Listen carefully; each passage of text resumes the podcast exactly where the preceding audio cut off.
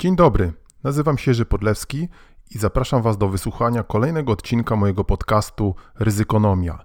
Więcej ryzykonomii, informacji o moich e-bookach, usługach doradczych i szkoleniowych znajdziecie na stronie www.ryzykonomia.pl. Dzień dobry, dzień dobry. Kolejny odcinek podcastu Ryzykonomia. Trochę nas nie było, ale już jesteśmy z powrotem. Cieszycie się, mam nadzieję. I mieliście okazję posłuchać naszych poprzednich y, odcinków naszego podcastu. Y, to już kolejny, mm, kolejny numer, kolejna edycja, już trochę się gubię ile y, i na pewno będzie więcej. Zapraszam Was oczywiście do, do, do słuchania na iTunes, na Androidach i innych platformach, ale jak mnie słuchacie, to w końcu przecież najwyraźniej Wam się to udaje. Co się od y, ostatniego okresu wydarzyło? No nic specjalnego, bo niedawno się słyszeliśmy. Dzisiejsza y, audycja, dzisiejsza, dzisiejszy podcast będzie miał charakter taki y, lekko czatowy, można powiedzieć taki rambling. Spróbuję po, po opowiadać Wam o różnych rzeczach, które gdzieś tam zauważyłem, są dla mnie ważne, mniej ważne. No i, i opowiedzieć to, co myślę. Jakkolwiek by to było ważne albo nieważne. Oczywiście o ryzyku przy okazji, ale nie tylko. E, no bo z drugiej strony, gdzie dzisiaj tego ryzyka nie ma i jak się ktoś uprze, szalony ryzykonomista, jak e, tutaj wasz skromny autor audycji, to gdzieś zawsze do ryzyka nawiąże, tak? Ten sławny słoń, a sprawa polska, nie wiem czy pamiętacie, mm, to był zdaje się słoń, który e, był gdzieś przy okazji, przy okazji chyba Polaków na dalekim, na dalekim wschodzie e, z armią Andersa, chyba on był gdzieś tam, się pojawił na zdjęciach i to takie właśnie przysłowiowe połączenie powstało. Powiedzcie mi, poprawcie mnie, jak to z tym słoniem naprawdę było, e, ale utkwiło mi gdzieś e, takie powiedzenie w, w uchu. Przy okazji, skoro tak sobie mówimy, to oczywiście y, oprócz słuchania zachęcam Was też do, y, do różnej innej aktywności, na przykład może byście chcieli zajrzeć do moich e-booków na stronie www.ryzykonomia.pl możecie znaleźć link do mojej księgarni i tam chociażby takie zestawienie wszystkich e-booków Ryzykonomia dla każdego pod takim brzemiennym tytułem. Cieszy się w miarę sporą popularnością w formacie PDF i EPUB czyli na przykład na, na czytniki. Jeżeli ktoś chciałby sobie poczytać, to bardzo, bardzo serdecznie zachęcam. Oczywiście teraz, no może nie oczywiście, o tym wspominałem, przygotowuję się do, do nowej książki. Właściwie książka już jest, tylko, tylko do, można powiedzieć, wydania. Prawdopodobnie będzie to również, również e-book. No wiecie, wydawanie książek papierowych nie jest tutaj taką łatwą sprawą w naszym kraju mm, z przyczyn technicznych i ekonomicznych. Y, porozmawiajcie kiedyś, jakie autorom się y, y, oferuje honoraria no, nie za wielkie, mówiąc delikatnie. Sporo zresztą już na ten temat wody wylano i, i nie wiem, gdzie to, y, gdzie to zmierza. Y, przy okazji czytałem dzisiaj artykuł w jakiejś zagranicznej gazecie właśnie dotyczącej automatyzacji, algorytmizacji pisania również do gazet. To jest zresztą jest, jest obecne w największych, jak zrozumiałem, w największych agencjach prasowych, gdzie takie, szczególnie w serwisach finansowych, również sportowych, gdzie rzeczywiście algorytmy już piszą takie standardowe materiały. My często nie rozróżniamy. No, z drugiej strony te mm, artykuły były wcześniej pewnie nie za bardzo skomplikowane, no więc, więc pewnie tam się to sprawdza, ale z drugiej strony, i o tym jeszcze powiemy, żebyśmy nie myśleli, że to, że to nie będzie dotyczyło innych sfer y, pisania, muzyki, a może nawet kultury, pewnie nawet kultury, e, bo któż będzie w stanie e, później od, y, odróżnić e, prawdziwego Hemingwaya, na przykład Hemingwaya maszynowego, napisanego przez jakąś sztuczną inteligencję. No ja nie byłbym tutaj optymistą i o tym jeszcze parę słów, y, y, parę słów będę chciał powiedzieć. Mówiąc e-booki, gdybyście chcieli moje czytać, to zapraszam. Aha, wracam do tego oczywiście, Widzicie takie tu dygresje około ryzykonomiczne, y, że wydawanie książek, no to jest właśnie, mi się parę, parę udało wydać w formie elektronicznej, jedną w formie papierowej, no i rzeczywiście no, rynek nie jest zachęcający do, do, do wydawania mm, książek popularno-naukowo-ekonomicznych, chociaż pewnie pisać każdy może. W ogóle taką mam wrażenie, że działa u nas taka dosyć dziwna, e, dziwna szczególnie w naukach ekonomicznych, ale myślę nie tylko, e, taka dziwna jakaś można powiedzieć reguła, że książka naukowa czy nienaukowa musi być musi być nudna, prawda? Jak jest ciekawa, to no to co to za naukowa książka? To jest książka ekonomiczna. Ja nawiasem mówiąc, kiedyś usłyszałem taką, ja to potraktowałem jako komplement na temat mojego pisania, mianowicie, że usłyszałem, cytuję, a pan pisze tak po amerykańsku. Ja sobie pomyślałem, o fajnie, fajnie, to fajnie jest. E, no właśnie, no bo jeżeli weźmiecie książki na przykład Stevena Dabnera, czy jakichś innych amerykańskich autorów, którzy piszą o ekonomii, no to one po prostu muszą być e, ciekawe. Zresztą nie tylko amerykańskich. Na przykład książkę, którą przeczytałem ostatnio, i o której pisałem y, artykuł dopiero co y, i wysłałem go do Gazety Ubezpieczeniowej. Y, książkę nowela Harariego pod tytułem, pod tytułem przepraszam, Jowala, Jowala, czeski błąd, Jowala Noaha Harariego, tak? pod tytułem Homodeus. Podejrzewam, że wielu z Was słyszało o tym autorze, izraelski historyk i profesor Uniwersytetu w Jerozolimie. No, pisze dużo, dużo ostatnio właśnie o sztucznej inteligencji yy, i to nie tylko, gdzie ta sztuczna inteligencja zmierza, yy, w ogóle o algorytmizacji świata, tak? No bo to jest, yy, można powiedzieć, jeszcze takie no, bardziej precyzyjne, może nawet przynajmniej w stosunku do tego, co mamy dzisiaj, określenie, można powiedzieć, wyzwania, tych algorytmów, które opanowują nasze życie, mm, tych algorytmów, które mogą być e, również niebezpieczne. No, to jest wątek, który muszę powiedzieć, że po moich ostatnich lekturach dotyczących tak zwanej sztucznej inteligencji, inteligencji albo inteligencji właśnie, czy ta sztuczna inteligencja to będzie inteligencją, czy raczej będzie inteligencją, jakbyśmy tutaj po polsku próbowali się do tego odnosić, i muszę powiedzieć, że jestem y, coraz bardziej pełen obaw, a może nawet przerażony, tak? dokąd, dokąd to zmierza. Y, no w każdym razie y, o, o, o Yuvalu Noahu Hararim pisałem właśnie niedawno artykuł po przeczytaniu książki Homo Deus. No, mieliśmy Homo sapiens, to mamy mieć teraz Homo Deus, czyli taki człowiek Bóg ta książka, muszę powiedzieć, zresztą wzbudziła we mnie mieszane uczucia, no bo oczywiście chciałem przeczytać, żeby móc się pochwalić wam i, i nie tylko, że jestem tak inteligentny i czytam takie, takie światowe bestsellery. Natomiast no, z jednej strony, ja nawet powiem, że ja tej książki, przyznam się, uwaga, całej nie przeczytałem.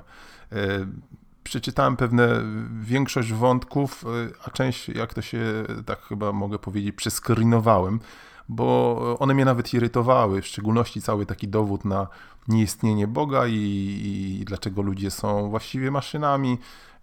Z tym nieistnieniem Boga ja tu nie czuję się w ogóle jakimś ekspertem, żeby udowadniać czy nie udowadniać, że Bóg jest, czego nie ma. Natomiast y, mam wrażenie, że te dowody, które po to, żeby właśnie w jakiś sposób uzasadniać wyższość istnienie sztucznej inteligencji, czy, czy istnienia, kiedy ona zostanie stworzona, są dla mnie dosyć mało wartościowe i, i, czasami takie irytujące. Y, tym bardziej, że Harari ma taką dosyć przykrą, można powiedzieć, z mojego punktu widzenia, przywarę, że mm, coś tam próbuje udowodnić, a później stwierdza, że to jest udowodnione i jest udowodnione, to jest. A jak się komuś nie podoba, to to nie wiem co właściwie. Może, może, może przeczytać, może nie czytać, albo może przeskoczyć. No ja tak pewnie uczyniłem. E, w każdym razie jest tam z drugiej strony sporo informacji, e, trochę tak jak, e, trochę tak jak w tym czasopiśmie popularno-naukowym, jak, jakże ono się nazywa, chyba Focus, tak? Focus? Tak, oczywiście Focus. No więc jest tam sporo takich e, informacji popularno-naukowych, mniej lub bardziej znanych, ale ciekawych i, chociażby w związku z e, tym e, dobrze się z, z, nimi, z nimi zapoznać. Natomiast bardzo jest ten ciekawy ten wątek właśnie dotyczący, dotyczący mm, sztucznej inteligencji, który nas zresztą odsyła do innych wątków i na przykład po Juwelu Hararim sięgnąłem po taką książkę, która z drugiej strony mi się wydaje dużo bardziej interesująca, Polecam Wam i o niej jeszcze na pewno opowiem, chociaż nie dzisiaj, bo ciągle czytam, ale to czytam od deski do deski, przyznaję się, chociaż jest to dużo większe wyzwanie moim zdaniem niż Harari. Książkę Nika Bostroma to jest, yy, oglądam sobie tutaj yy, szwedzki filozof, profesor Uniwersytetu w Oksfordzie, kierownik Instytutu Przyszłości Ludzkości, działający w ramach i tak dalej, i przez magazyn Foreign Policy był umieszczony na liście 100 czołowych myślicieli świata. No i myślę, że akurat dużo bardziej zasługuje niż, y, niż Harari, chociaż no, Harari pewnie jest bardziej popularny.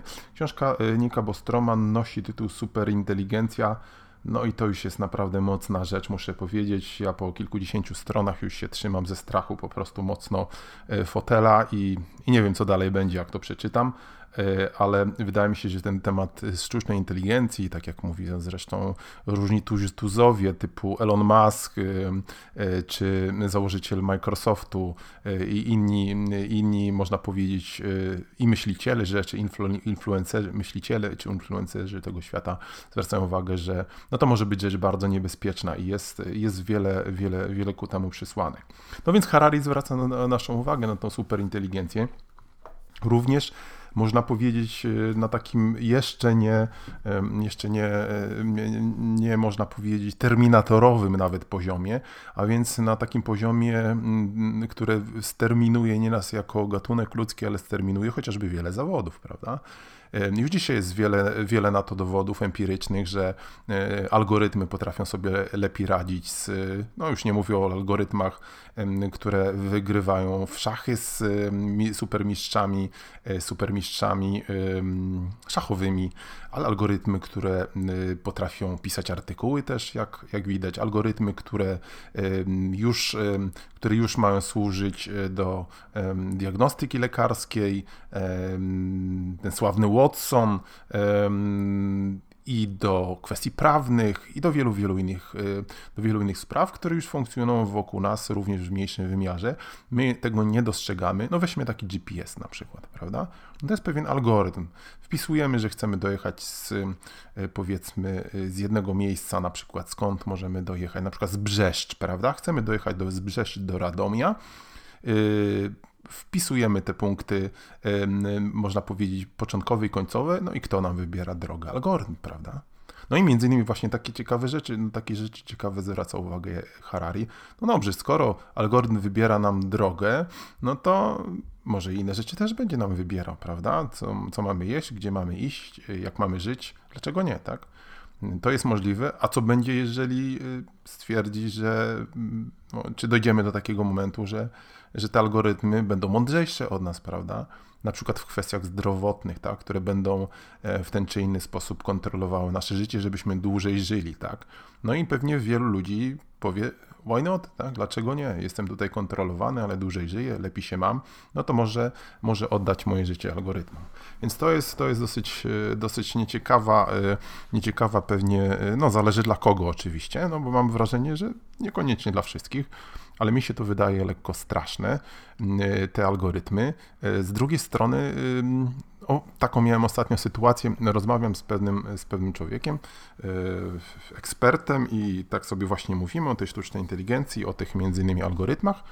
No i tam jest właśnie temat e, tego zastępowania zawodów. No i ja właśnie też nawiązując do tej książki mówię, a pana zawód to może zniknąć, prawda? No i tamta osoba, i co zresztą jest dosyć znamienne, się oburza, nie, nie, na pewno mój nie, bo to wymaga mm, specjalnie jakiejś takiej ludzkiej ekspertyzy. No i właśnie niekoniecznie, niekoniecznie, y, bo i ten zawód i wiele innych y, jest już właśnie na tych listach, kiedy algorytmy sobie potrafią radzić. No.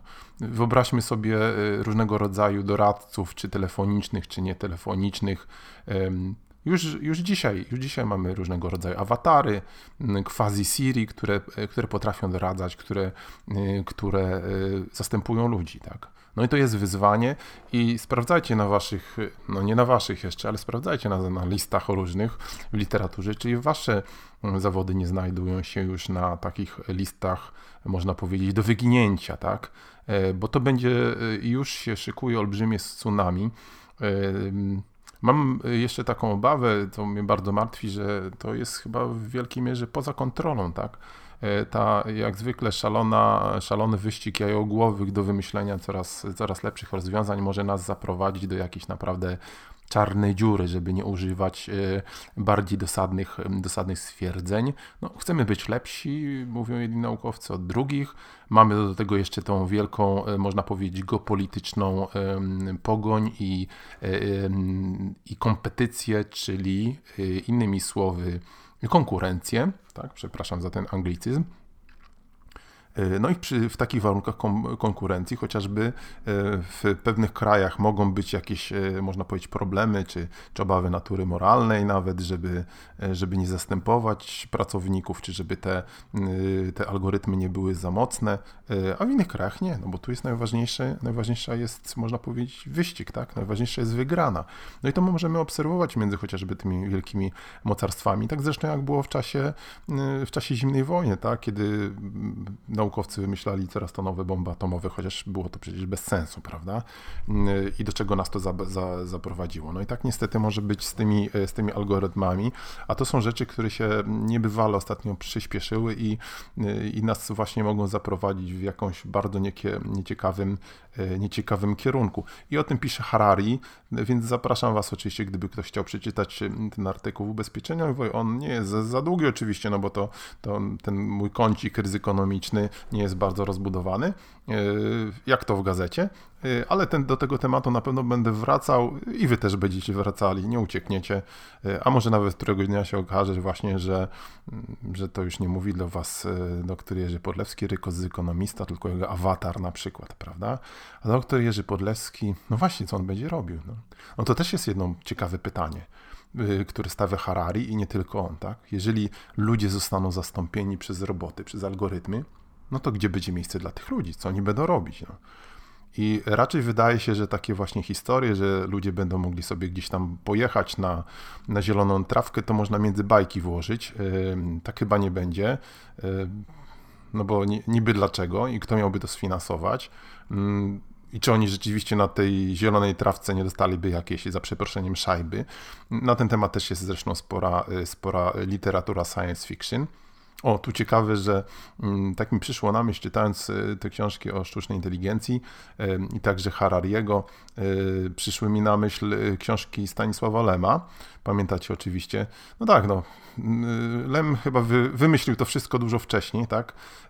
Kto to pisał o Lemie? Autor, autor Człowieka z Wysokiego Zamku, czyli... Oczywiście mam na myśli Filipa Kaddika no, pisarz science fiction, y, mam nadzieję, a być może zachęcę Was do przeczytania książek, chociaż to są dosyć specyficzne książki science fiction. Y, w każdym bądź razie Philip K. Dick, y, może zresztą wrócimy kiedyś, powiedział o Stanisławie Lemie, że taki człowiek nie może istnieć, żeby to tyle rzeczy wymyślił, że to nie jest możliwe, żeby to był rzeczywiście prawdziwy człowiek. No i rzeczywiście, y, no to jest, y, no to chyba jest właśnie taki, można powiedzieć, objaw geniuszu. Y, ostatnio, kiedy czytam i słyszę o tej sztucznej inteligencji, to mi się przypomniała zresztą jedna z moich ulubionych książek pod tytułem Cyberiada, czyli bajki robotów chyba też. Ja mam taką edycję jeszcze z lat chyba 70. z takiej bardzo grubej okładce z ilustracjami y, takich robotów. Zresztą kiedyś byłem nawet w wystawie tych ilustracji w jednej galerii, nie pamiętam gdzie to było. W każdym bądź razie y, książka jest strasznie szczytana, bo zawsze mi się jakoś tak z różnych przyczyn podobała. Y, są tam opisywane różne, różne fajne oczywiście historyki, ale wiele z nich, tak jak właśnie głębiej poeksplorować, ma też taki wymiar, można powiedzieć, filozoficzny. Jeżeli słyszeliście gdzieś taki mały trend, jakieś dźwięki dzwoneczków, Y, to nie, nie, nie, nie jest żadnego kościoła. No, kościelne dzwony, jak wiecie, brzmią dużo, można powiedzieć, mocniej. No tak to też dzisiaj jest, prawda, że trudno się w ogóle gdzieś tam odciąć, bo tutaj próbuję nagrywać jakiś podcast, a tu jakieś informacje przychodzą z SMS-a, na które trzeba o, znowu odpowiadać. A zresztą może to jest już właśnie błąd inteligencji. Postanowił jakoś tam sztuczny algorytm, który się gdzieś w czeluściach internetu narodził, e, postanowił mnie tutaj tymi dzwoneczkami dręczyć. No to ciekawe, może i taka być też, prawda? Zadręczanie przez algorytm e, osób, które niekorzystnie wyrażają się o ekspansji algorytmów. No już nie wiadomo, co tam siedzi w tym internecie, e, ale póki co to my tutaj będziemy mówili otwarcie o algorytmach, tak? Czym mnie algorytmy słyszą. W każdym razie wracając do mm, Stanisława Lema, y, to właśnie tam w tym świecie takim robotów, to jeszcze gdzieś się uchowali ludzie, zwani też bladawcami. Y, no i tam jest właśnie gdzieś taka myśl właśnie napisana, że, czy zamieszczona Lema, że właściwie czy myśli się kisielem, czyli tym biologicznym materiałem, czy myśli się metalem, to właściwie nie ma różnicy, tak? Czyli pewnie jeżeli ta superinteligencja się kiedyś narodzi, będzie ona miała charakter syntetyczny, a przy okazji, by the way, Bostrom, ten autor książki Superinteligencja, różne, różne rodzaje superinteligencji i zbiorowe, etc., etc., o tym jeszcze będziemy mówili. No, mamy przecież kolejne podcasty do zapełnienia. W każdym bądź razie, e, to czy myślimy tym kisielem, czy metalem, to w pewnym momencie za różnica, prawda?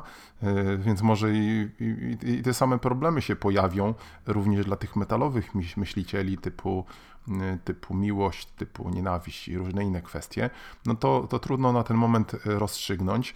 Y, w każdym razie no, Lem, można powiedzieć, już takie kwestie już przewidział w jakiś sposób profetycznie w swoich książkach. I no właśnie, to tak wzbudza, można powiedzieć, zastanowienie. W każdym bądź razie, wracając do, wracając do tych rozważań o superinteligencji, no to jest rzecz, która staje się bardzo ważna, y, może nawet kluczowa dla przyszłości biznesu i w ogóle całego gatunku ludzkiego, więc trudno o niej, trudno o niej nie mówić.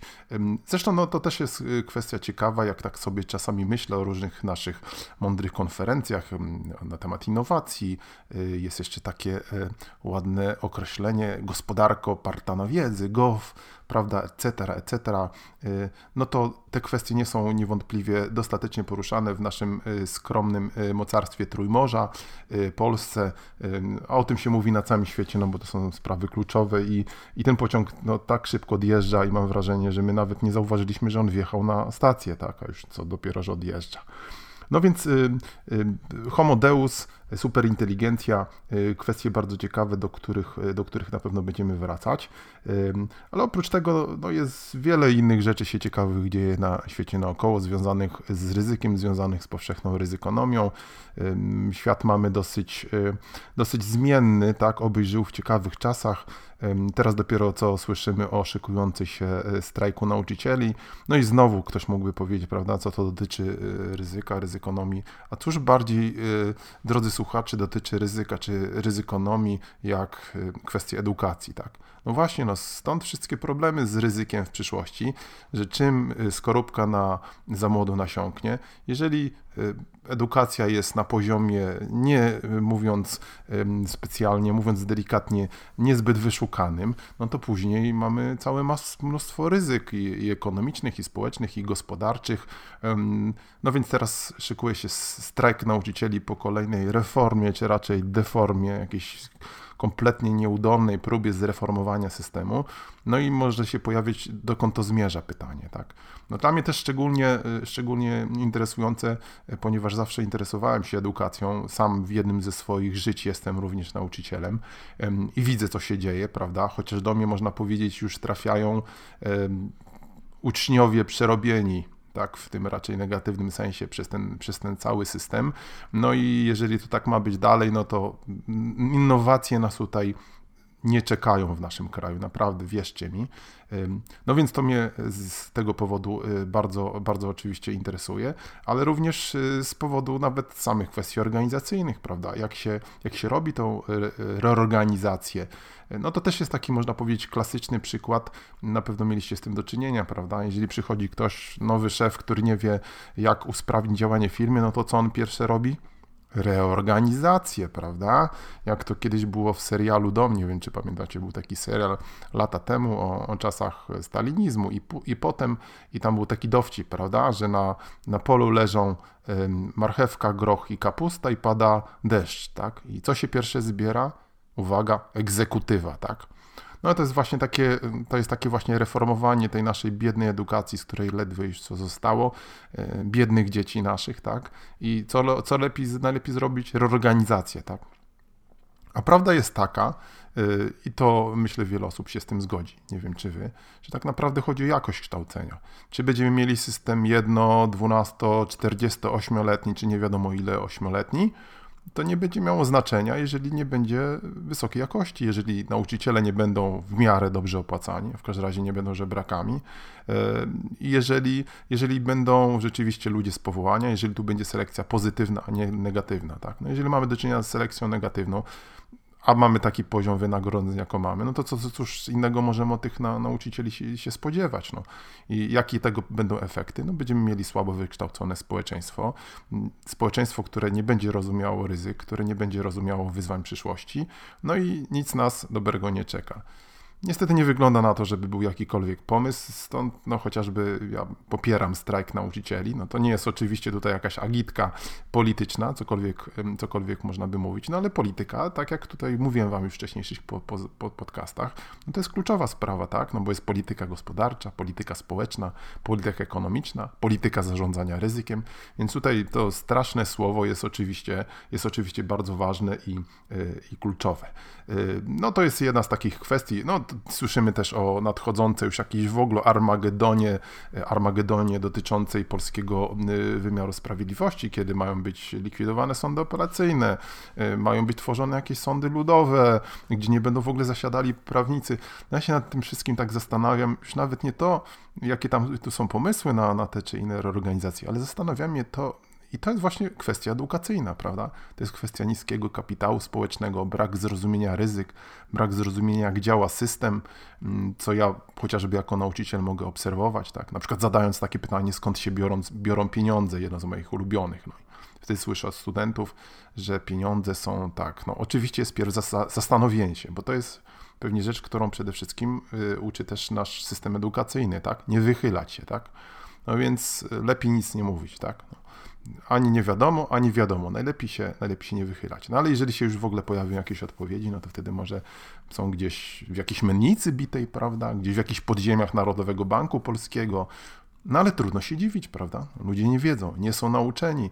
Tak jak kiedyś mm, opowiadał mi pewien, mm, pewien e, doktor czy profesor, nie pamiętam, pozdrawiam, że e, Bank Rezerwy Federalnej, amerykański Fed, już, e, już dawno uczestniczył w, czy uczestniczy cały czas w Stanach Zjednoczonych w przygotowywaniu komiksów dla, e, dla dzieci w Stanach Zjednoczonych, które później są na różnych poziomach gdzieś tam wysyłane do, e, do, różnego, do różnych szkół i te dzieci się uczą właśnie o tych sprawach ważnych, prawda? Nie o strukturze gleby na nizinie krakowsko-lublińskiej, czy jakie tam inne niziny są, wybaczcie, bo jeżeli mi się pomyliło, ale geografię miałem dawno. No więc rzeczy, które są naprawdę w życiu, prawda? No bo edukacja mówi o nauce, tak? A nauka to jest uczenie rzeczy, które są potrzebne w życiu, tak? No czasami też niepotrzebne, ale te niepotrzebne czasami są bardziej potrzebne niż, niż by się wydawało, tak? Ta, ta straszna filozofia chociażby jest potrzebna. No więc system edukacyjny, jeżeli jest jaki jest, no to czego my się możemy spodziewać, że ludzie nie rozumieją, jak ważne są te kwestie systemowe, tak? Jak ważne są to naruszanie tych różnych ekwilibriów, tych równowag dotyczących tych ładnie, jak to Amerykanie nazywają check and balances, nie tylko w systemie prawnym, ale w systemie ekonomicznym, tak? Do czego to prowadzi, tak? Jak ktoś ładnie ostatnio zauważył, chyba to pan Gwiazdowski, tak? Że w 2000, przepraszam, w 1950 roku Wenezuela była pod względem PKB czwartym najbogatszym krajem świata. A rok temu zjedzono ostatnie zwierzęta z zoo, tak? Teraz słyszymy, że tam mają do, mamy, mamy jakieś wielkie awarie energetyczne, blackouty, to jest państwo de facto upadłe, prawda? No, różnego rodzaju eksperymenty ekonomiczne doprowadziły super bogaty kraj, który dosłownie siedzi na beczce z ropą, do, do, do, do katastrofy. Więc to jest możliwe. I teraz, jeżeli ludzie nie są dostatecznie dobrze wyedukowani, no to sobie nie zdają sprawy z tych ryzyk, no i, i później są tego takie, takie efekty, tak. Dokąd to zmierza? Edukacja jest zawsze kluczem. Y, no to był taki krótki czat, y, który pozwoliliście, pozwoliłem sobie tutaj nagrać dla Was, y, żeby żebyśmy pozostali w kontakcie i że, żeby mógł podzielić się swoimi różnymi przemyśleniami.